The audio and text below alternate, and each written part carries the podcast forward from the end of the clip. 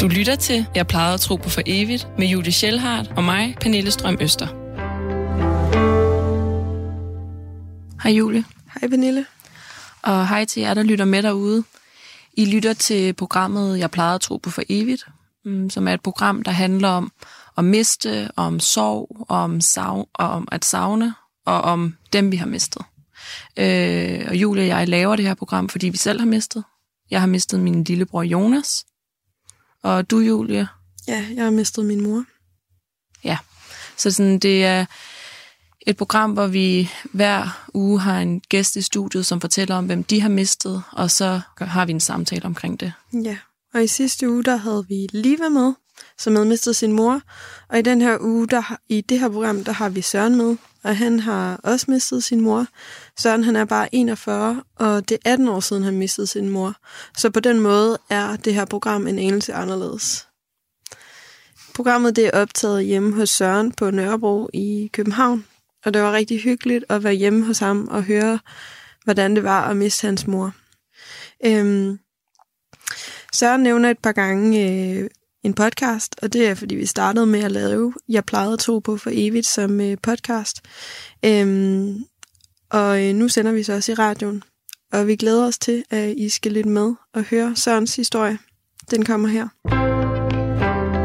Radio 4 taler med Danmark. Hej Søren. Hej. Velkommen her til. Eller vi skal måske, det er måske mere dig, der skal sige velkommen. Vi er jo kommet hjem til dig i din stue her på Nørrebro, og sidder i din sofa, og skal igennem næste times tid høre om øh, din historie. Og du har jo mistet din mor for det 18 år siden, ikke? Ja, det er 18 år siden til Ja, jul. så du er 41 i dag. Ja. Okay. Vil du ikke bare tage os tilbage til den gang, hvor du, øh, hvor du mistede din mor? Jo, altså historien starter jo sådan set øh, 10 år før jeg mistede min mor, hvor hun var syg første gang, øh, hvor hun fik modermærkekræft. Og der blev hun opereret og blev sendt hjem på hospitalet, og vi fik egentlig at vide, at alting var godt. Øh, og det var det også i 10 år. Øh, hun gik til kontrol de første fem år, så får man ligesom en, en besked med hjem om, at øh, nu har du samme chance for at blive ramt af kræft igen som alle andre. Øh, og det var jo dejligt at mm. have den, så tænkte vi, at alt var godt. Øh, og det var det sådan set også i, i fem års tid endnu. Men så i april 2001, da jeg er 23 år, eller der er 22, øh, og min mor er 51, der øh, falder hun om en dag. Øh, eller hun kommer op til min far i stuen. Øh, jeg bor i København på det tidspunkt, mine forældre bor i Aarhus. Øh, og siger, Peter, jeg kan ikke, øh, jeg kan ikke sådan tage fat om strygejernet, og jeg kan ligesom ikke føle min fod. Øh, og så var han godt klar over, at der var et eller andet. Og så ringede han efter en ambulance. Øh, og så var min mor meget opsat på, at hun ligesom skulle have se ordentligt ud, så hun lige ville ned og tage noget andet tøj på og sådan noget. Øh, og så faldt hun så ned ad trappen. Øh, og hun blev indlagt, og min far ringede til mig, som boede i København, og min søster, som på det tidspunkt boede i London, og fortalte os, at hun havde fået en jernblødning. Øh, så vi blev hastet hjem. Øh, og alt så fint ud. Øh, de var sådan, det er en jernblødning, og hun øh, skal bare lige genoptrænes lidt, og så er alting godt. Øh, men det var det ikke. Øh, da, da jeg kom ind på hospitalet, min søster tog lidt længere tid om at komme hjem, fordi hun boede i London, øh, så kom mig og min far ind, og min mor, det var så, hun var faldet om aftenen, og det her var så næste øh, middag eller et eller andet. Øh, og så kom der nogle læger ind, og så kiggede de sådan på os, og så sagde de til min mor sådan, øh, vi har scannet din hjerne, og der er nogle processer, som ikke helt skal foregå. Har du haft kræft før? Og så begyndte man jo sådan at lægge to og to sammen, at der var et eller andet, som ikke var sådan helt godt. Mm. Øh, og så sagde de sådan, altså, jeg kan huske den der situation meget, meget tydeligt. Øh, og jeg kan faktisk huske de der dage omkring, hun blev syg, meget, meget tydeligt. Jeg kan også huske meget, meget tydeligt dagen omkring, da hun døde. Men på en eller anden måde, så er, er der alligevel nogle ting, som står meget sådan bløde. Øh, hvor, hvor jeg kan, jeg kan simpelthen ikke huske, om vi spurgte dem om noget. Altså jeg kan ikke mm. huske, om vi, om vi bare lyttede. Øh, men jeg tror på en eller anden måde, at, at, at vi skulle bare tage den der ting, det der ind, fordi vi på en eller anden måde, altså det hele var jo lige blevet væltede på hovedet.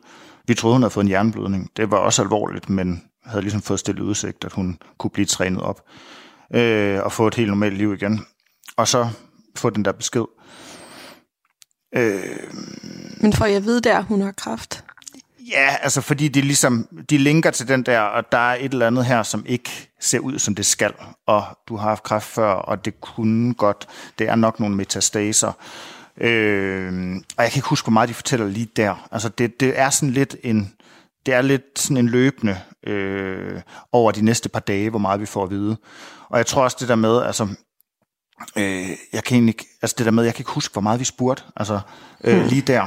Jeg kan huske, da min søster kom hjem øh, fra London, og vi henter hende i lufthavnen og kører tilbage, der går hun helt amok.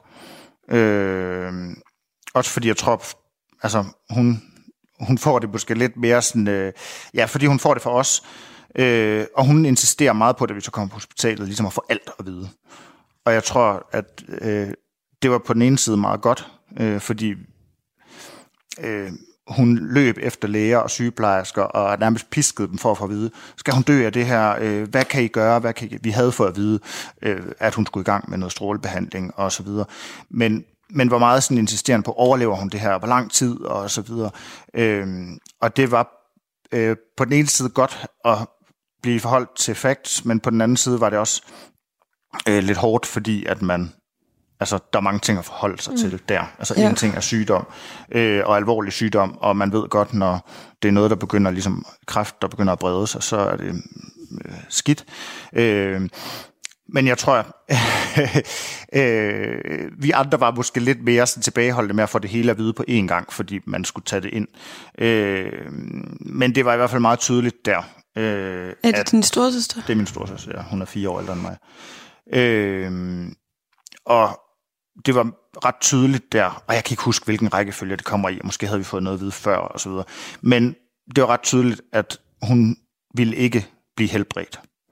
Øh, men vi havde en eller anden alligevel naiv tro på, at de kunne øh, behandle, sådan at hun kunne leve et godt stykke tid. Øh, og, og det er jo på en eller anden måde mærkeligt, når man er i den der undtagelsestilstand, fordi altså de der, altså de der dage på den ene side, som jeg siger, så kan jeg huske det enormt tydeligt. Og så er der alligevel også en masse ting, der er meget bløde. Jeg kan huske sådan nogle brudstykker, nogle øjeblikke. Jeg kan tegne de der værelser, som øh, den der stue, min mor lå på. Øh, og nogle øjeblikke, hvor mig og min søster går en tur ned i skoven, da vi er gået hjem. Eller da vi er kommet hjem fra hospitalet, hvor vi på en eller anden måde er gået væk fra huset, fordi vi ikke vil græde så meget foran min mor. Mm. Øh, så hun er kommet med hjem? Ja, hun er kommet med hjem efter et par dage, tror jeg. Altså jeg tror, dag nummer to eller tre, eller sådan noget, fordi at de egentlig ikke... Hun får noget medicin, og så...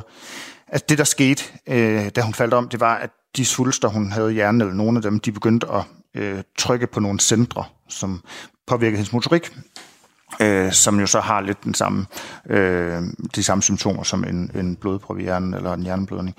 Øh, og så fik hun noget medicin, som ligesom kunne, øh, kunne gøre, at den øh, trykken den var mindre. Og så blev hun stillet udsigt, at hun skulle strålebehandles, men andet kunne de egentlig ikke gøre, og hun kunne godt gå og bevæge sig, så, så der var ikke... Så der var ikke andet grund til, at hun skulle være indlagt. Øh, Men giver de jer en tidshorisont der? Eller?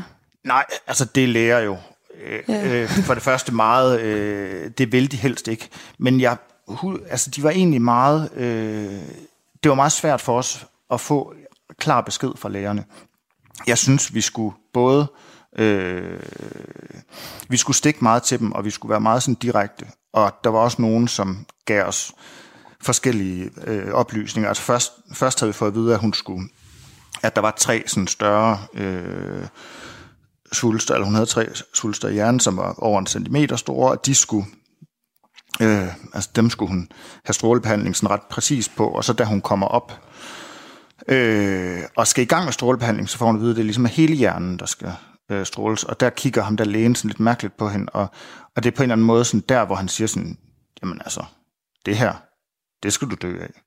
Hmm. Øh, okay. Du skal have strålet hele hjernen. Og, og altså det var, det var nok der, det sådan i virkeligheden gik op for os, hvor fuldstændig alvorligt det var. Øh, og jeg ved ikke, om det på en eller anden måde også er en eller anden menneskelig ting, at det sådan skal synke lige så stille ind. Øh, men jeg, vi oplevede i hvert fald, at den der måde, vi, vi fik det at vide på, kom meget, øh, øh meget ukoordineret, og ikke mm. særlig sådan, heller ikke særlig, øh, særlig empatisk. Mm. Øh, sygeplejerskerne var sindssygt søde, og, og vi havde en sygeplejerske, som faktisk fulgte os helt, som også var der, øh, da min mor så i sidste ende døde. Øh, men lægerne var jeg virkelig ikke, øh, var jeg ikke imponeret over. Og, ja. og hvordan har 23-årige Søren det? Øh, det man ligesom får at vide, at ens mor er, er dødeligt syg. Jamen altså, vi var jo simpelthen så ulykkelige. Altså, jeg, altså det, er jo, det er jo den værste, værste, værste periode i mit liv. Og jeg, når jeg kigger tilbage nu, så kan jeg tænke, hvordan vi kom gennem det der år, øh, hvor hun var syg, og lige efter hun døde. Og jeg tror i virkeligheden, så var det værre, da hun blev syg, end da hun døde. Mm. Mm. Øh, fordi, ja, altså, og jeg synes jo, det som var aller sørgeligst ved det, og det som jeg også kan blive ked af i dag, øh, eller en af de ting, jeg kan blive ked af i dag, det var, at hun skulle forholde sig til sin egen død. Det synes jeg simpelthen er så umenneskeligt hårdt. Øh, og det var heller ikke nemt for hende. Øh, øh, altså, altså de, man går jo i, man går jo på en eller anden måde i panik eller i, i en eller anden undtagelsestilstand. Altså vi, vi gik hjem og jeg tror, vi havde brug, også børn havde i hvert fald brug for at handle. Altså mig og min søster, vi læste i bøger om alternativ medicin, og øh, vi, vi begyndte ligesom at købe, øh, eller var det til min mor sådan, øh, vi har læst et sted, at man kan spise alt muligt havre, eller hirs, eller et eller andet, hvad fanden det var. Og øh, hvis du øh, samtidig cykler op på en motionscykel og hører et eller andet meditations, øh, et eller andet meditations-CD samtidig, så har de haft gode, og noget med hejfinder og sådan noget. Og hun gik sådan set også med på det, og, mm. øh, og og sådan, øh, men efter, jeg kan ikke huske, hvor lang tid, øh, så sagde min far simpelthen, nu bliver jeg nødt til at stoppe det her, fordi at mor har ikke lyst til det. Hun har behov for at forholde sig til det her, øh, og hun har behov for, at der bliver en eller anden form for hverdag. Og jeg tror, i, i virkeligheden, så har hun fået en depression. Ja. Altså hun, hun var meget hårdt ramt de første par måneder, ikke fysisk, men psykisk. Altså jeg synes, der, på mange måder, så følte jeg, at jeg mistede min mor allerede der fordi hun var simpelthen inde i sig selv. Altså, og det kan jeg jo godt forstå. Og det var rigtig hårdt, fordi at man havde lyst til at være der for hende, øh, og lyst til at tale med hende, og det gjorde vi også. Øh, men det var på den ene side jo, man havde ikke lyst til at være væk derhjemmefra, men man, samtidig var det også så usigeligt hårdt at være derhjemme, at, at det var på en eller anden måde hele tiden det der dilemma mellem, hvad man, øh, hvad man, hvad man skulle. Ja, fordi det gjorde så ondt at se hende. Ja, ja, ja fuldstændig. Altså, fordi det blev jo på en eller anden måde smidt op i ens ansigt hele tiden, mm. af, hvor dårligt hun havde det. Øh, måske mest mentalt de første par måneder. Altså. Og det kom, hun, det kom hun heldigvis ud over. Jeg tror, hun på et eller andet tidspunkt accepterede, ligesom, at det var sådan, det var. Og så, og så kom der en eller anden form for normalitet, øh, hvis man kan sige det, i sådan et sygdomsforløb, som på en eller anden måde var ret hæftigt og gik ret hurtigt. Men det er jo også ekstremt hårdt, ting. Altså en hverdag med døden. Ja. Sådan, hvordan lever man en hverdag, og, og bare lader sit liv gå, mens man ved, at ens mor er dødeligt syg, og den der balance mellem, hvor meget ja. du skulle være derhjemme, hvis du boede i København, og hun var i Aarhus. Og... Altså, det var jo det der evige dilemma med at, at, øh, at have lyst til at tage hjem og være der øh, mm. hjemme hos hende, når jeg var i København. Men samtidig, når jeg var derhjemme, så havde jeg også bare lyst til at løbe skrigen ud af døren mm. efter øh, en halv time. Øh, fordi virkeligheden på en eller anden måde øh, stod lige foran en. Øh, og snakkede I meget om det? Jeg husker som om, at vi vi snakkede meget om det. Øh, ja, vi snakkede ikke meget om døden med hende. Øh, det gjorde min far. Vi talte om øh, hendes sygdom, vi talte om, at det var svært, og vi talte om, øh, om mange ting omkring det, men vi talte ikke særlig meget om døden som sådan. Jeg tror, hun, øh, hun havde også svært ved at forholde sig til det. Øh, og nogle af de der ting, har jeg tænkt tilbage på, var også, altså de der store snakke og sådan noget, de, øh, det føltes også meget sådan, når vi har haft dem, så er det ligesom slut. Og der var, lå et eller andet håb i at blive ved med at kunne udskyde den der store snak. Mm. Øh, fordi når man har haft den, så er det sådan set, så kan du godt lægge dig til at dø, fordi nu har Ja. vi fået afklaret det her. Så der lå også en eller anden form for, jeg tænkte altid, at det gør vi lige næste gang. Ja. Skulle Øh. ligesom have en timing i det. Ja, ja, ja. Altså, det er jo lidt mærkeligt. Ja. Øh, men jeg synes, vi var gode til at bruge hinanden, både min søster og far og jeg. Øh, og, og jeg var også god til at bruge mine venner. Øh, altså, jeg har verdens mest fantastiske venner, øh, og verdens mest fantastiske familie.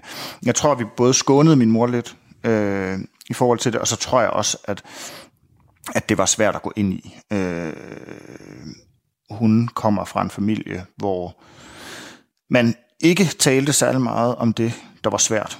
Øh, så jeg tror, for hende var det en hård omgang, øh, det der. Og hun, hun fandt et sted at være i det på en ok god måde. Jeg tror, hun, eller hun, hun, hun accepterede det, og så valgte hun, at vi skal have det bedste ud af den her tid, men det skal også være hverdagsagtigt. Altså hun havde mest alt brug for, at hverdagen fortsat, og at vi ringede hjem og fortalte vores hverdagshistorier, øh, og at hun gik på arbejde, øh, og at mine forældre gjorde de ting, de egentlig havde gjort sammen, og at, at vi kørte sådan nogenlunde normalt liv. Altså hun havde ikke behov for, at vi tog mm. til Thailand alle øh, fire, eller øh, at, at det hele blev... Hun havde behov for en eller anden form for normalitet i det der. Øh, Jeg tænker også for hende, at, at når du fik den der følelse af, altså sådan at være derhjemme, og det bare gjorde så ondt, og du så kunne komme til København, du, altså det må bare være så svært at være syg, for hun kan ikke gå nogen steder Nej. fra det. Altså sådan, så man kan virkelig godt sætte sig ind i, at man bliver nødt til at skabe en eller anden afstand eller normalitet, fordi det er konstant i en og med en jo. Ja, fuldstændig. Fuldstændig. Men det, og det er også derfor, jeg synes, altså det, jeg kan blive så ked af stadig den dag i dag, det var netop det der med, at hun, hun skulle forholde sig til, at hun skulle dø. Ja. Ja. Altså det tænker jeg simpelthen, øh, det er jo, det er jo vanvittigt hårdt Ja. at skulle. Øhm, og især for, for, for nogen, som måske ikke er så, øh, så vant til at, øh, eller kommer fra en baggrund, hvor, øh, hvor man er meget øh, ekspressiv omkring sine egne følelser. Altså hun var en enormt dygtig taler. Hun var, øh, altså hun har lært mig at snakke med folk. Altså hun, mm. vi snakkede så meget, og hun snakkede så meget med os. Og hun var en, på den måde en meget, meget nærværende og øh, fantastisk mor, fordi hun, hun var interesseret, og hun spurgte, og hun øh, udfordrede os, og, øh, og hun gik ind i en dialog med os. Der, hvor hun ikke var så god, det var, når det handlede om hendes egne følelser. Mm. Øh, men hun var, ja, hun var en fantastisk menneskekender, og hun har, ja, hun har virkelig lært mig meget om at tale med folk. Mm. Øh, og ja, Hvordan var det så den dag, hun døde? Det var et år efter. Ej, det var, det var otte måneder efter. Øh, Jeg tror mere, at den der undtagelsestilstand er sådan øh, rundt regnet mm. år. Øh, det var otte måneder efter, øh, hun døde. Øh, efter og sådan ret øh, hurtigt have fået det meget dårligt. Hun arbejdede faktisk i et halvt år, øh, hvor hun blev ved, og hun insisterede ret meget på at holde fast i arbejde. Altså til sidst var hun faktisk den eneste, der arbejdede på sit arbejde, og på en måde var det fuldstændig sindssygt. Hun gik rundt og Okay. altså kunne nærmest ikke gå til sidst, og der var trapper og sådan noget, men hun insisterede. Øh, og Øh, men så fik hun det så dårligt, at, at hun ligesom ikke kunne det, og så tog min far plejeoverlov, og de sidste to måneder, tror jeg, hun levede, øh, passede han hende derhjemme, og så var vi hjemme på skift øh, og hjælp, og så fik de hjælp af, øh, af venner og selvfølgelig øh, hjemmesygeplejersker og så videre. Men øh, vi kom hjem til jul, øh, og sådan i god tid inden jul, og der var det meget tydeligt, at det gik rigtig dårligt. Øh, altså der var det sådan ligesom de sidste ting sådan rent fysisk. Altså hun var ikke mentalt ramt overhovedet. Altså svulster kan jo gøre forskellige ting i hjernen. Hun var kun ramt på det fysiske. Altså hun var fuldstændig klar i hovedet.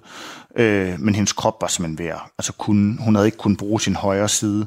Øh, det var den, der havde været ramt i første omgang. Og så var det faktisk også begyndt at gå over i venstre. Så hun kunne ikke... Der op mod jul, der kunne hun lige pludselig ikke spise selv længere. Hun kunne ikke selv særlig godt holde sit glas vin, eller, sådan, øh, eller ryge en cigaret, eller sådan noget. Det var ligesom de der sidste mm. ting, hun virkelig nød. Altså det der med at få noget god mad, og få et glas vin, og ligesom kunne have den sidste selvkontrol. Altså det der med, at du sådan løbende mister din øh, muligheden for at styre din krop. Øh, og der var det ligesom de sidste, så der var, hun, der var hun meget ked af det og meget frustreret, og det var nogle vanvittigt hårde dage, fordi det gik så stærkt, og fordi altså, du skal jo hele tiden mentalt ligesom, følge med i den der tur, det er. Øh, så den 24. altså juleaften, der var det ret svært at vække hende. Øh, altså der, øh, det tog ligesom tid at vække hende, og jeg tror nærmest, vi havde hende i bad faktisk, for at ligesom få hende, få hende vækket.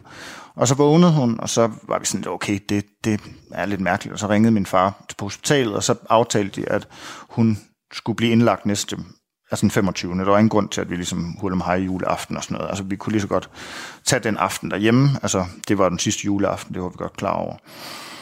Så vi var også sammen, og så var min farmor der, og vi havde sådan set en nogenlunde hyggelig aften. Øh, eller vi havde sådan set en, ja, efter omstændighederne, nogenlunde normal aften. Øh, og så øh, kører min far, min farmor hjem, og så sidder mig og min søster og taler med min mor i en halv time til en time, og hun har, hun har været sådan lidt konfus de sidste par dage, og der er det begyndt sådan ligesom også, at hun har været lidt sådan fraværende. Men lige præcis den der time, der er hun simpelthen så skarp og så meget på. Altså vi får virkelig, virkelig en god snak. Øh, og hun var virkelig frisk. Og så bliver hun lagt i seng. Og så næste morgen vækker vi hende ikke, fordi at hun skal på hospitalet, og vi vil ligesom lige have, have dem til at se, hvad, hvordan det går, og så bliver hun hentet. Øh, og vi kommer så op på hospitalet, der, eller vi tager med op på hospitalet den 25. og så sidder vi ved hende på skift, og de, jeg tror, de siger, spørger os, øh, om de sådan skal gøre meget for at vække hende. Altså skal de give hende mere medicin, eller skal de sådan ligesom, og så var vi sådan et, det synes vi ikke. Fordi at de sidste par dage havde, eller den sidste, de sidste dage derinde havde været så forfærdelige. Så hvis det var nu, så var det nu. Eller hvis de skulle ikke gøre meget for at på en eller anden måde øh, vække hende øh, til det der. Fordi man kan sige, vi det havde jo været på en eller anden måde sådan en, en både på den ene side hurtig, men også på den anden side langsom rejse hen mod det her, hvor hun bare var blevet dårligere og dårligere og dårligere og dårligere. Og der var simpelthen ikke noget værdighed i det til sidst, og hun var så ked af det. Øh, og så, så, så vi sad ligesom ved hende øh, på skift, og lægerne sagde, at jamen, vi kan ikke sige noget. Altså, det her, det kan fortsætte en uge, det kan fortsætte tre uger, det kan fortsætte måneder måske. Øh, som jeg husker det. Øh, men øh, vi var sådan, okay, nå. Øh, det må vi jo så, altså, og vi var så, vi vil gerne have hende hjem. Øh, og så blev det egentlig aftalt, at hun skulle hjem dagen efter, så havde de hende der den 25. Og så sad vi så ved hende på skift, og nogle gange sammen.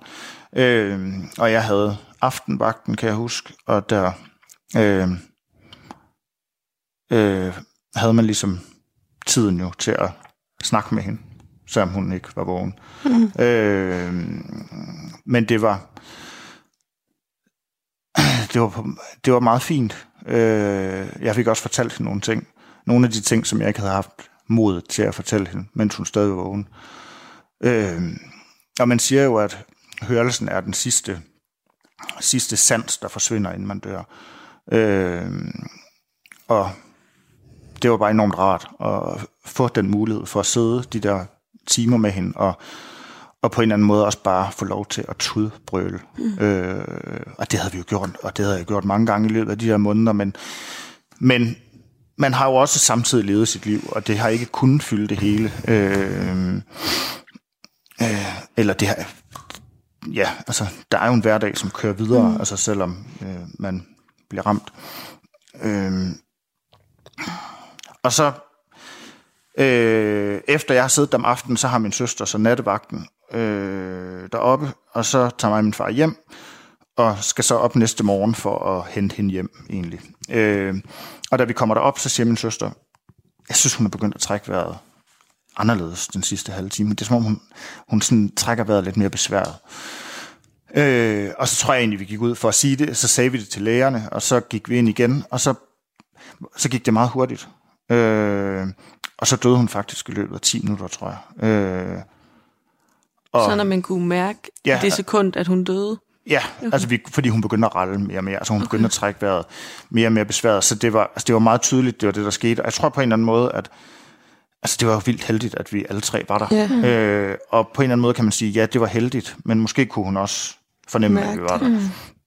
Og altså, på det tidspunkt vil jeg også sige, altså selvom man var chokeret og sådan noget, så var jeg også der, at, at nu skal du have lov til at dø. Altså. Ja. fordi mm. du har været igennem nok. Øh, og, og det er jo også den der, altså det er jo en, en mærkelig, et mærkeligt sådan dilemmafyldt øh, tid, fordi man på den ene side er fuldstændig slået ud af sorg over, at hun er død, øh, men også har en eller anden form for lettelse over, at, at det der er slut. Øh, og det der, øh, det er jo sygdommen, kan man sige, mm. og ikke livet. Også fordi, at man kan sige, det, det som jo kommer til at ske, det er jo også, at til sidst fyldte sygdommen jo alt. Øh, den fyldte også i den første, det første lange stykke tid, efter hun døde, alt i forhold til mine minder om min mor. Altså, jeg kunne kun huske, hvordan hun havde set ud, da hun var syg. Jeg kunne kun huske, hvordan... Øh, og det, det tog ligesom et stykke tid at komme ud af den der igen. At, øh, og det er heldigvis ikke den, jeg husker i dag. Øh, jeg kan se på nogle billeder af hende, når hun er, øh, fra da hun var syg, som jeg har nu, hvor jeg kan blive sådan helt chokeret over, hvordan hun egentlig så ud. Altså, fordi det har jeg glemt nu. Øh, øh, men der var også en eller anden form for lettelse der. Øh, både for hendes mest for hendes skyld, men også for vores. Fordi, ja. Fordi man hungrede efter på en eller anden måde at komme, komme ud af den der undtagelsestilstand, som det var. Øhm, men det, det var nogle surrealistiske dage, og jeg kan huske endda selv, at vi, vi, vi, vi altså hun døde jo så der anden juledag, og vi, vi var jo så hjemme, øh, og blev hjemme i en uges tid, tror jeg, øh, ind, og til, hun blev begravet 2. januar, Øh, og jeg tror, altså jeg husker det som om, at vi faktisk, vi holdt nytårsaften. Øh, og jeg tror faktisk også, at vi blev lidt fulde. Altså, mm. øh, og på en eller anden måde, så kan jeg godt tænke tilbage på, hvorfor fanden sad I og holdt nytårsaften? Altså, men, men samtidig så kan man også sige, hvorfor ikke? Altså, mm. hvorfor... Øh, jeg tror, øh, vi, vi havde nok også nogle forskellige måder at gå til det her på. Øh, altså, og det er der også mange, der har sagt i det her program, at folk de sørger forskelligt. Øh, og jeg tror, at øh, min far, han var sindssygt sej gennem hele det her. Altså, han tog virkelig bare... Øh, han tog bare øh, alle de seje beslutninger, og han var på alle måder vildt sej. Øh, fordi han bare han gik bare i løsningsmode. Altså det her, det skulle ligesom, og min mor, hun skulle have det godt, og øh, øh, hvis hun ikke havde lyst til at, de boede i et, øh, et tre-etagers hus, og det er ikke særlig smart, når man ikke kan gå, altså, øh, og sov på en etage, og stuen var i en anden etage, og toilettet på den tredje, og sådan noget, så så de var bare sådan afhængige af, at der var nogen, der ligesom kom og hjalp med at bære min mor rundt og sådan noget. Men han var bare sådan, det skal lykkes. Øh, øh, og alt muligt i forhold til at få skaffet hjælpemidler, og altså gør det godt for hende, og samtidig faktisk også øh, på en eller anden måde gør det godt for os. Altså, jeg, altså det overskud, han havde i den der periode, er på en eller anden måde helt umenneskeligt. Men da min mor døde, havde han enormt meget behov for at øh, være rationel omkring det. Det tror jeg, at han havde været hele den her praktiske periode. Han har også altid været måske den, der løste problemer praktisk, og min mor var den, der meget følelsesmæssigt gik ind og løste det for os. Så der var sådan en god... Øh, øh, god øh, Komplementerede hinanden godt. ja, de komplementerede hinanden godt. Og jeg tror, at da min mor døde, havde han behov for, at der også var, altså kom en eller anden form for normalitet ind igen, eller en hverdag. Øh, han satte sig ned, øh, kan jeg huske, lige omkring, da hun døde. Jeg kan ikke huske, om det var lige før hun døde, eller lige efter. Og sagde, vi skal have det godt igen. Jeg insisterer på, at vi skal have det godt igen. Øh, og det var vi enige om. Øh, men han gik meget pragmatisk til det. Altså han var meget sådan, han, han havde på en eller anden måde brug for at handle. Altså jeg tror en uge, to uger efter hun var død, der, der pakkede han ligesom hendes tøj og lagde det i nogle sække og ville aflevere det til genbrug. Og hvor, hvor jeg på en eller anden måde var sådan lidt, okay, øh, det er hurtigt. Øh, eller, mm. men, men samtidig var det også, altså det var jo ham, øh, der sad i det der hjem, hvor min mor manglede. Øh, han, de var gift i 32 år, øh, og de var øh, de hang sammen øh, på mange måder som ærtehalm. Og, og det var ham, der skulle lære at leve et liv øh, en hverdag, uden at hun var der. Øh, men ja, han insisterede meget på det der med, at vi skulle have det godt. Og så gjorde han ligesom det, han kunne for at praktisk komme videre. Øh, og jeg tror, altså han var meget sådan... Øh, øh, han brugte for eksempel, altså han fik en arv fra min mor, som han også insisterede på at bruge på os, altså på, at vi skulle have det godt. Altså vi tog ud og rejse en masse gange. Vi var altid ude at spise, når vi kom hjem, og der, vi blev ligesom på en eller anden måde forkælet, og man kan jo ikke købe øh, sig ud af en sorg. Mm. Øh, men det der med, at vi fik nogle gode oplevelser sammen, øh, som, som på en eller anden måde kunne... Og det var jo enormt, øh, enormt rart. Øh, men, men ændrede jo ikke på, at, at sorgen var der altså, og var kæmpestor. Og, og hvordan så du på det tidspunkt? Mm. Øh, jeg tror, jeg sørgede ok. Altså, sorgen fik lov til at få plads. Øh, jeg hele, tid, hele vejen gennem hendes sygdomsforløb faktisk, og, øh, og efter hun døde, insisterede på, at det skulle fylde noget. Altså jeg talte om det sådan rimelig åbenhjertigt. Øh, jeg også folk, som ikke kendte mig specielt godt. Jeg havde på en eller anden måde behov for, at det ikke var et tabu, eller at det ikke var svært. Øh, men jeg tror også, at øh, jeg holdt også fast i de historier, som måske var øh, var de gode historier, eller de historier, som var nemme for folk at sluge, eller sådan. Altså man får på en eller anden måde lidt for, altså det der med, når man siger, og det er jo både øh, en måned efter det er sket, og 18 år efter det er sket, at man siger, at man har mistet sin mor som 23 år, så, så ser folk jo mærkeligt ud i hovedet, eller øh, siger, at det er jeg ked af, eller sådan noget, selvom de ikke har noget med det at gøre. Øh, og, og det er jo sødt af dem, men, men og så, så, så går der ligesom den der udglatning i gang med, at man, og jeg tror, jeg fik skabt en fortælling hurtigt om, at, at vi var enormt gode til at sørge, fordi vi mm. gav det plads. Øh, og jeg tror i høj grad så øh, øh, fik det lov til at være der, men det fik ikke, jeg tror ikke set i bagspejlet i dag, at jeg forarbejdede det så meget. Øh, og det, der gik mange år, før jeg egentlig fik, øh, eller egentlig helt forstod, hvad det betød, hvad det kom til at betyde, øh, og hvad det, at det stadig fyldte. Altså fordi sorgen, øh, den bliver ikke mindre med tiden. Den fylder fuldstændig det samme som den dag, øh, min mor blev syg, og den dag, hun døde. Øh, og i dag. Sorgen er lige stor. Øh, jeg er bare blevet et andet menneske. Øh, og måske er den også blevet slebet lidt i kanterne, og nemmere at holde på. Øh, men sorgen er lige så stor. Øh, og den er ikke så alt så omslugende, men det tror jeg egentlig er noget andet end sorg. Det tror jeg er chok, og det tror jeg er øh, rådvildhed, og ja, og sådan en eller anden, ja, noget absurd, som man ikke kan forholde sig til. Sorgen, det er noget andet. Altså det er mere den der, det der grundsavn, eller den der kærlighed, som, ja. Men føler du så nærmest, at du sådan er, altså har fået sådan en en ny dimension af sorg nu. Altså, for jeg, jeg kommer også bare til at tænke på, om jeg kommer til at få samme... Altså, du blev lidt rørt, da du sagde det, ikke? Fordi hvis jeg nu... Kommer jeg til om 10 år at få sådan en... Fuck, min mor død. Noget, jeg...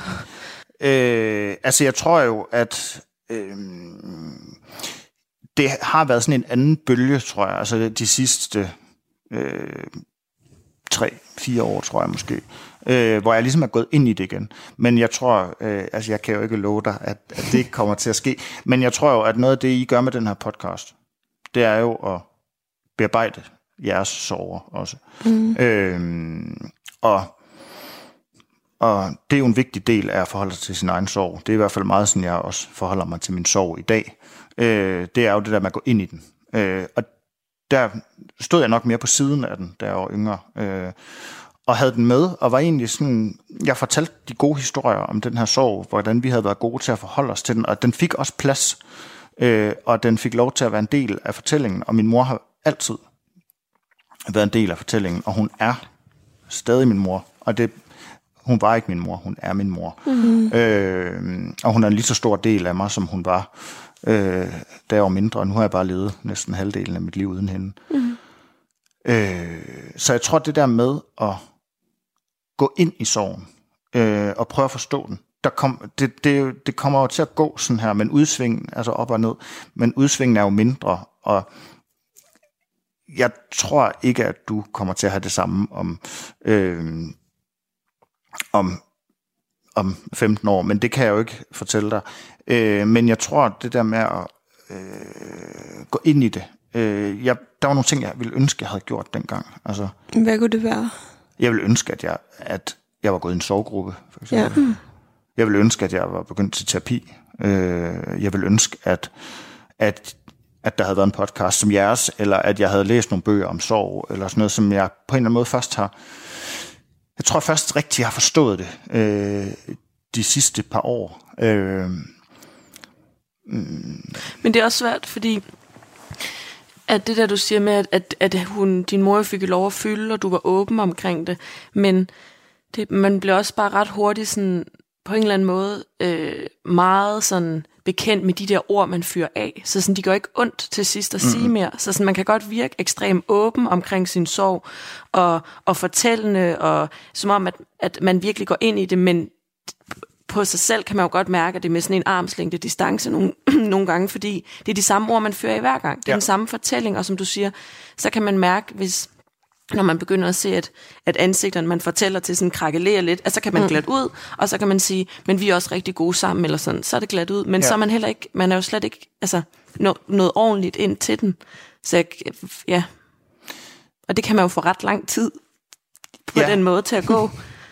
Ja, og på en eller anden måde, så synes jeg jo, at det, at der ligger jo et, der ligger jo desværre et ret stort ansvar hos os, der er sørgende, mm. øh, i forhold til at øh, både øh, holde fast i at tale om det, eller få det til at fylde noget, fordi jeg oplever i hvert fald, jeg, des, jeg kender desværre mange, som har mistet, for- jeg har en del venner, som også har mistet forældre, jeg kender dem.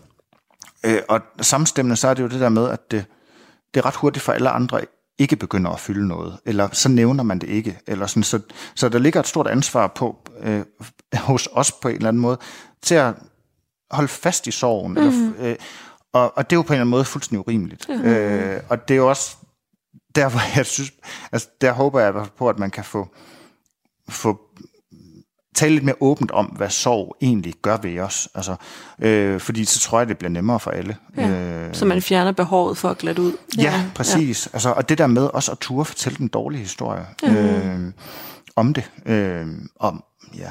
Og måske også om, øh, om, om dem, der er døde. Altså, mm. jeg, øh, nu her ikke vi skulle snakke, kom jeg til at tænke på de der også. Altså, det der med, at man fremhæver tit de gode historier. Øh, og jeg fortæller også altid, at min mor var den bedste mor i verden, og det var hun.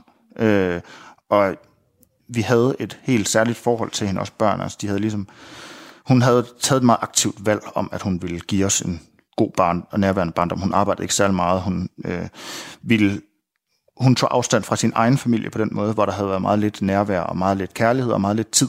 Så det var, hun ville ligesom give os noget andet. Øh, og ikke på sådan en måde, hvor, vi, hvor hun hele tiden lå nede på gulvet og legede med os, men der var tid.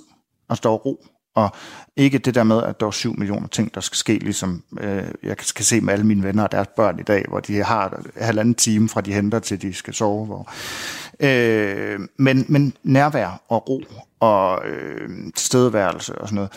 Men, men det er også de der historier, man fortæller, det, de, de dårlige historier, altså de dårlige, eller de sider, som var svære, for eksempel også mm. det der med, at hun havde svært ved at gå ind i sin sorg. Det er nogle af de ting, som, som jeg tænker, de bliver også lidt visket af, mm. de der... Mm. Som jo i virkeligheden var en ret stor del af, hvordan det hele var. Ja, og ja. Mm. Men ja. skete der noget der for 3-4 år siden, der gjorde, at det, det ændrede sig? Mm, ja, men jeg tror, det har nok været en løbende. Øh, jeg, kan, jeg kunne mærke, at jeg blev sådan lidt drevet af sorgen, hvis man kan sige det sådan, eller sådan ting, der relaterer sig til sorg, altså artikler, bøger og så videre. Og jeg tror i virkeligheden, så... Øh, øh, jeg læste en artikel som i Christi Dagblad, som min søsters veninde, øh, som jeg har kendt hele mit liv, har skrevet om at miste sin søn på halvandet år. Øh, og hun skrev nogle ting, hvor øh, jeg følte, at det hun skrev, det ramte øh, så meget plet. At jeg tror på det tidspunkt, jeg tror hun skrev et eller andet omkring, at øh, øh, sorgen har ikke ændret størrelse. Det er øh, størrelse, det er ikke os, øh, øh, der bærer sorgen. Eller, eller, men der er blevet mere plads, eller et eller andet. Men, men på en eller anden måde, det var første gang, det gik op for mig, det der med, at sorgen er lige så stor nu. Mm. Altså, øh, og der tror jeg på en eller anden måde, at det gik op for mig, at jeg at, at den skal jo stadig have en plads. Øh, og, og det havde den også, men, men jeg havde behov for også at forstå den lidt mere. Så tror jeg, der var måske også nogle, nogle ting i forhold til, øh, Øh, til mine relationer til andre mennesker, øh, som, øh, og i forhold til øh, noget sygdomsangst og noget dødsangst og sådan nogle ting, eller angst, men øh, sådan et, øh, som begyndte at fylde, eller som fyldte noget, jeg havde gjort det i nogle år, som jeg tænkte, okay, det her skal jeg have håndteret på en eller anden måde, og så var det måske så først, da jeg endelig sad ved en øh, terapeut efter, øh, altså 15 år efter min mor egentlig var død, at jeg forstod det der link mellem nogle af de øh, udfordringer, jeg havde, eller nogle af de ting, jeg synes, der var svært i livet, jeg faktisk hang sammen med at have mistet øh, min mor. Øh, og det var da noget af det, jeg gerne ville have oplevet lidt tidligere, eller været mm. lidt på forkant med, kan man sige. Øh, men, men så bliver man klogere. Mm. Øh, og, og det er jo, og, og i og med, man, altså i og med, at jeg har ligesom fået den indsigt nu, så har det også gjort meget nemmere at håndtere nogle af de ting, som, som, som har været svært, eller øh, altså øh, i, i mange år fyldt. Øh, altså, eller det har egentlig siden min mor døde, der har jeg været sådan relativt sygdomsangst. Øh, øh, hver gang der var, det gjorde ondt et eller andet sted i kroppen, så mm. var, var det kræft. Øh, og jeg kender min læge ret godt efterhånden, skal vi sige det sådan. Og jeg, på et tidspunkt var der sådan en stående joke med, at jeg ville have det bedst med at have sådan en uh, full body scanner stående i min stue, så jeg lige kunne smide mig ind, lige at være sikker på, at der ikke var noget. Øh, og altså jeg har også, øh, og det fylder mindre nu, synes jeg faktisk. Øh, altså det der, jeg forholder mig ikke så meget til det. Men til gengæld, så, så synes jeg også, at døden, altså jeg tager meget stilling til min egen død. Mm. Øh, og jeg ved ikke, altså jeg er samme alder nu, som min mor var første gang, hun var syg. Øh, og jeg tror også, at det der med, at altså som en lille dreng, øh, som jeg var første gang, blev syg, og som en ung mand, øh, der var der var hendes alder på en eller anden måde langt væk. Og nu, nu er jeg der. Altså der, hvor hun blev syg. Og det har også gjort et eller andet i forhold til Gud. Altså, både hvor ung hun var, fordi jeg er jo sindssygt ung, øh, men også, øh, ja, altså det der med på en eller anden måde, okay, øh, tænk hvis mit liv sluttede nu. Øh, mm. øh, og jeg, altså, jeg kan godt sige sådan, ah, den, der, den der sang vil jeg gerne have bliver spillet til min begravelse, og folk de kigger bare på mig. Altså, du er den eneste, der tænker på sådan nogle ting. Mm. Øh, men jeg har ligesom spillet det hele igennem. Hvem er det, der skal have mine ting? Og kan jeg godt tage mig selv i at tænke, og det er jo sådan fuldstændig øh, sindssygt at, at have de der tanker. Men, men måske også meget... Øh, meget normalt. Mm, jeg øh. tænker også, måske meget sundt, altså på en eller anden måde. Nogle gange at kunne ja. forholde sig lidt til det, det gør det også, tænker jeg, at du lever din hverdag lidt mere sådan lidt anderledes på en eller anden måde. Selvom du, du måske er bekymret om det, så gør det jo også, at du lever måske mere ubekymret. Ja, og, og det, det er jo heller ikke noget, der fylder, det er jo fylder jo forskelligt i perioder. Det er måske også noget, mm. jeg kan gå ind i en gang imellem. Øh, men det er jo også en balancegang, altså det der med, at, hvor meget det skal fylde og få lov til at fylde. Og, fordi ja. det, er, det er godt nok at gå ind i det en gang imellem. Øh, ja. Søren, du har også nogle uh, ting med. Ja. Et billede det har jeg. Og lad os tage billedet først. Altså, jeg har faktisk to billeder med. Øhm, det er lige på en computer. Ja. øhm, det er fordi, egentlig så, så er det sådan her, jeg husker hende, og det, det er fra, da vi var små, øh, kan I nok se. Mm, ja, øh, det er på, at du er den lille lysårede. Jeg er den lille lysårede, og min mor er den øh, høje seje. Ja. Øh, og jeg husker hende sådan, fordi, ja, det var min barndom, og hun så sådan der ud. Øh, det er og jeg, mega cool billede. Ja, ja hun ser rimelig cool ud. Ja, meget fint. Øh, og hun, øh, jeg synes, hun er vildt flot på det der billede, og hun var vildt flot. Hun var meget speciel. Mm. Hun havde en meget stor næse, meget spids næse, øh, som jeg også delvis har arvet, og sådan ret markant ansigt. Øh, og på det der billede, og i mange år havde hun meget langt hår, øh, og meget flot hår. Øh, så hun var sådan ret, øh, ret markant, synes jeg, og flot. Øh... Ja, hvis vi lige skal beskrive det, så er det et billede af din mor og dig og din søster ja. fra, som står ja. for en, et sommerhus. Et sommerhus, ja. Jeg skulle ja. lige så sige det.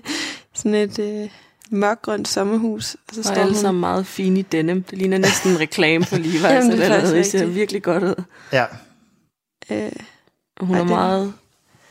hun ser Meget, virkelig meget godt smuk. ud. Også høj og slank og flot. Og Og hun Sådan ser høj ud, hun var faktisk ikke særlig høj. Nå. Og det kan, det, kan man se, det kan man se på det andet billede, jeg har med, som er sådan et af de sidste billeder, jeg tror, der blev taget af hende. Øh, og det er egentlig ikke et særligt godt billede. Øh, men hun, hun kunne ikke særlig godt lide at få taget billeder. Øh, og det finder man jo ud af bagefter. Øh, fordi der er ikke særlig mange billeder af hende, især fra de sidste år, hun levede. Øh, men det der er et billede, som jeg tror er taget med mit kamera en eller anden gang. Jeg tror jeg, faktisk, jeg var hjemmefra. Jeg boede i London. Øh, Er det din far? det er min far, ja. okay, Og hvor, gammel er du her? Øh, der er jeg nok 20, okay. så det er et par år før, øh, 20 eller 21, så ja. Det er et par år før hun dør. Og også inden hun er blevet syg. Ja, Ja. Mm. ja. Og det er også. Og det er sådan, du husker hende også sådan i dit voksenliv? Eller Ja, ja. så voksen du nåede at være? Og det er fakt... Ja, altså jeg tror, billedet på net, når jeg tænker på hende, er nok mere, øh, da hun... Øh, altså, da hun var ung. Mm. Men det er også, fordi mm. der er flere billeder af det.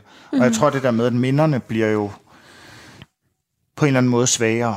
Øh, og, og der kan man sige, at der kommer man jo... Og det er jo også der, sorgen kan et eller andet i forhold til... Altså, jeg tror, jeg har sådan en ting med, at sorgen er blevet min ven, siger jeg. Mm. Fordi det er faktisk den eneste måde, jeg føler, at jeg komme tæt på min mor på. Det er ved at gå ind i sorgen. Øh, så fordi, fordi minderne, altså, er det overhovedet rigtige minder? Altså, fordi det er så mange år siden, at man på en eller anden måde måske også har...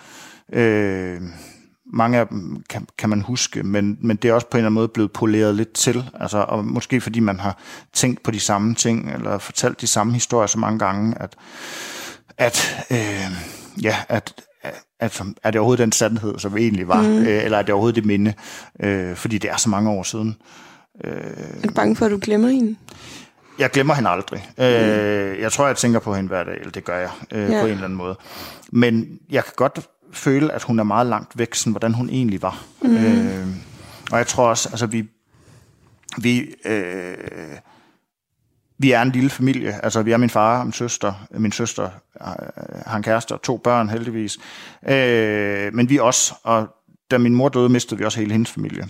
Øh, fordi at, ja, vi mistede, de var ikke særlig gode, mens hun var syg. Øh, og det var, ja, så vi mistede faktisk hele hendes familie også. Okay. Og det gør jo også, at der er en hel masse minder, som også på den måde forsvinder. Mm, altså ja. også alt fra før hun, fra da hun var barn og ung, og sådan noget, som hun ikke har fået fortalt videre, eller som ikke øh, er levende. Fordi vi holder minder, minderne om hende levende, men mm. det er jo kun os tre. Øh, Ja. øh, Og I har jo ligesom ikke, hvordan din mor var som, som barn, eller nej, teenager, eller... nej. Og, ja, og det er meget få mennesker at skulle holde, holde et, øh, et minde i live, synes jeg. Mm. Altså, vi, gør, vi gør et forsøg, og, øh, og især tror jeg for mig, min søster fylder det meget, det der med, at hun også skal fylde for mine næser, og at hun også skal med videre. Altså, fordi altså, det er jo virkelig, det er jo, det er jo den største sorg, det er, at hun ikke har kunnet møde dem, mm. øh, synes jeg. Altså, det er jo virkelig også, det er faktisk det, der måske nogle gange godt kan få mig til at græde nu. Mm. Øh, øh, at det synes jeg er virkelig synd, øh, både for hende, men også for dem. Øh, Ja. Fordi de ville have været vilde med hinanden. Øh, men ja, vi prøver at holde minderne i live, og prøver at vise billeder og fortælle om, hvordan mormor øh, var. Ja. Øh, og det er både for, det er nok mest for vores egen skyld. Men det skal man jo også gøre. Ja, Og hvad, altså, så I, må være blevet enormt tætte dig, din bror og din far. min søster, ja. Din søster selvfølgelig. Øh, ja, altså fordi man kan sige, vi trak os egentlig meget sammen, øh, eller vi, vi rykkede meget sammen som familie på det tidspunkt. Øh, og det var også på det tidspunkt, jeg var ved at blive... Altså, jeg var lige flyttet hjemmefra øh, lidt sent. Jeg havde brugt mange øh, sabbatår på at rejse rundt i verden og øh, tage på højskole og så videre, hvor jeg stadig havde min base derhjemme hos mine forældre. Øh, så jeg var faktisk kun flyttet hjemmefra sådan ni måneder før øh, min mor blev syg. Øh, men så, da hun blev syg, så så trækker vi os lige sammen igen og bliver en endnu tættere familie. Øh, og det er jo på mange måder godt, men det har også, øh, det har også nogle gange holdt os lidt fast i sådan mm. en... Øh, altså det har været lidt, øh, nogle gange lidt svært at bryde ud af, øh, synes jeg. Altså det var som om, at jeg sådan ret øh, sent skulle klippe navlestrengen sådan endeligt, fordi ja. vi, vi passede lidt på hinanden. Øh, og det gør vi på nogle måder stadig, men, øh, men, men vi har prøvet at cutte båndet lidt, altså, fordi vi er også noget uden hinanden jo, og min søster har fået børn og sådan noget, selvom vi også tager meget aktiv del, del i det liv, og vi bor tæt på hinanden alle sammen nu. Min far flyttede til København efterfølgende. Så, så har man jo også behov for ligesom at rykke i hver sin retning øh, og, og blive voksen. Altså det tror jeg på en eller anden måde i virkeligheden, jeg blev lidt sent. Mm. Øh, mm fordi man blev hævet lidt ind i den der familie, man var på vej til at klippe det Samtidig med, at man blev det sådan ubarmhjertigt tidligt ved at miste sin mor. Ja. Altså sådan, der forsvinder jo en eller anden ungdoms naivitet, øh, ja. ligegyldigt hvad. Mm. Men hvordan var det sådan at være lillebroren i det? Øh, ja, det, det er faktisk et godt spørgsmål. Øh, jeg har øh, Altså en lillebror har jo den fordel, at man kan komme afsted med mange ting. øh, og jeg tror, hvis vi spørger min søster, synes hun, at jeg har haft det nemt nogle gange. Øh, men jeg synes også, at, øh, at jeg har også haft en eller anden... Øh, jeg tror, jeg havde en irritation over, at jeg ikke synes, jeg blev taget lige så alvorligt som voksen øh, menneske i, den, i hele den der. Og det tog mange år, hvor jeg egentlig sådan kæmpede lidt for at insistere på, at altså, jeg var blevet voksen. Øh, og jeg ved ikke, hvorfor man egentlig holder hinanden fast i de der roller. Øh, men, men der er måske en eller anden tryghed i det, øh, mm. som også var vigtig at, vigtig at have. Vi er ude over dem nu. Øh, men jeg tror faktisk også, det var det, der gik op for mig, da jeg ligesom begyndte at bearbejde nogle af de der ting omkring, hvad der var sket, øh, og, og hvordan den der sorg påvirkede mig på, på, på sigt. Altså der, der fik jeg et ret godt øh, blik ind i de der relationer til især min far og søster, hvor, hvor det, det, det gjorde i hvert fald, at jeg blev lidt mere klar over, hvordan mm. vi, vi var over for hinanden, og mm. det tror jeg var meget godt for os alle sammen. Og ja. hvad med i forhold til, som vi snakkede om lige i starten, med det der med, at man sørger så forskelligt? Er det, synes du, at, at det er blevet... Altså, for det, det synes jeg, at Altså sådan, det har ikke fyldt så meget hjemme hos os, men jeg synes stadig, det er svært, når det fylder. Altså sådan i forhold til mm. for eksempel behovet for at være på kirkegården, som ja. jeg ikke rigtig har, som mine forældre har. Og sådan, bare hver gang man mærker de forskelle, så, så synes jeg, det er svært. Så ja. kan du genkende? Ja, fordi det, men det er også fordi, man går jo ind i det, som er aller, aller sværest. Ja. Eller aller, øh, altså, når, øh, nu min far flyttede væk fra Aarhus, og da han boede der, så gik han forbi, eller løb forbi hendes gravsted hver dag. Mm. Øh, men nu bor han i København, og så er han sådan lidt, så behøver vi ikke det der gravsted længere. Mm. Og altså, der er jeg, mig og min søster jo sådan helt, hey, hey, hey, hvad, ja. øh, det skal bare være der altid. Ja. Og, så, øh, og samtidig også, så nogle gange kan man godt øh, få hinanden sådan lidt op, og så kan jeg godt lige være sådan, ah, men du er slet ikke så sentimental som os, kan du ikke være lidt mere ked af det, eller sådan en gang imellem. Altså, øh, men, men, øh, men, men, men det synes jeg egentlig ikke er svært. Altså, men jeg tror også, altså, vi er egentlig gode til at sige det til hinanden. Mm. Øh, hvis, og jeg tror også, vi er meget bevidste om, at vi er i vores sorg forskelligt. Øh, altså min far har jo også været mere rationel omkring det helt fra starten af. Altså, øh, og jeg tror, han savner hende på en anden måde. Altså det er jo mm. også, som, altså det tog mig mange år at forstå det der med, at det var så også, da jeg begyndte, øh, til, eller det var også øh, min, min terapeut, som sagde det, som sagde det der med, at Søren, det er jo helt grundlæggende for, øh, en forskel at miste sin mor og sin ægtefælle. Du har kun én mor. Ja. Øh, han er ikke blevet gift siden, men potentielt set, så er der jo andre ægtefæller derude. Mm. Og, og det tror jeg, det, det betød ret meget for mig ligesom at finde ud af det. Øh, og så tror jeg også, at jeg i mange år prøvede ligesom at... Øh, jeg troede, at min far kunne overtage min mors egenskaber. Øh, og, og da jeg ligesom accepterede det, der var det også nemmere sådan ligesom at være i, i ro med det. Øh, mm. ja, der var nogle konflikter omkring. Jeg, jeg, jeg prøvede i mange år, at han ligesom skulle kunne de ting, hun også havde kunnet, fordi på en eller anden måde, så savnede jeg bare det så meget, og det gør jeg stadig. Øh, øh, og det, ja, og det kan han ikke, og det skal han heller ikke kunne. Det er jo fuldstændig urimeligt at skulle, øh, skulle tro, at andre øh, kan, kan tage et andet mm. menneskes øh, egenskaber. Øh, jeg fik heldigvis meget i de år, øh, hun levede, men, øh, men det er fandme ærgerligt, hun ikke er her mere. Ja, det kan jeg godt forstå. Tusind tak for, at vi måtte komme her og besøge dig og snakke med dig. Det har virkelig været hyggeligt og, og rørende at høre dig fortælle. Helt vildt. Jamen, det er mig, der siger tak, fordi I ville, I ville komme. Og mange tak for jeres podcast. Meget, meget selv tak. Tak. Programmet er produceret for Radio 4 af Lyd og Ko i samarbejde med Landsforeningen Liv og Død.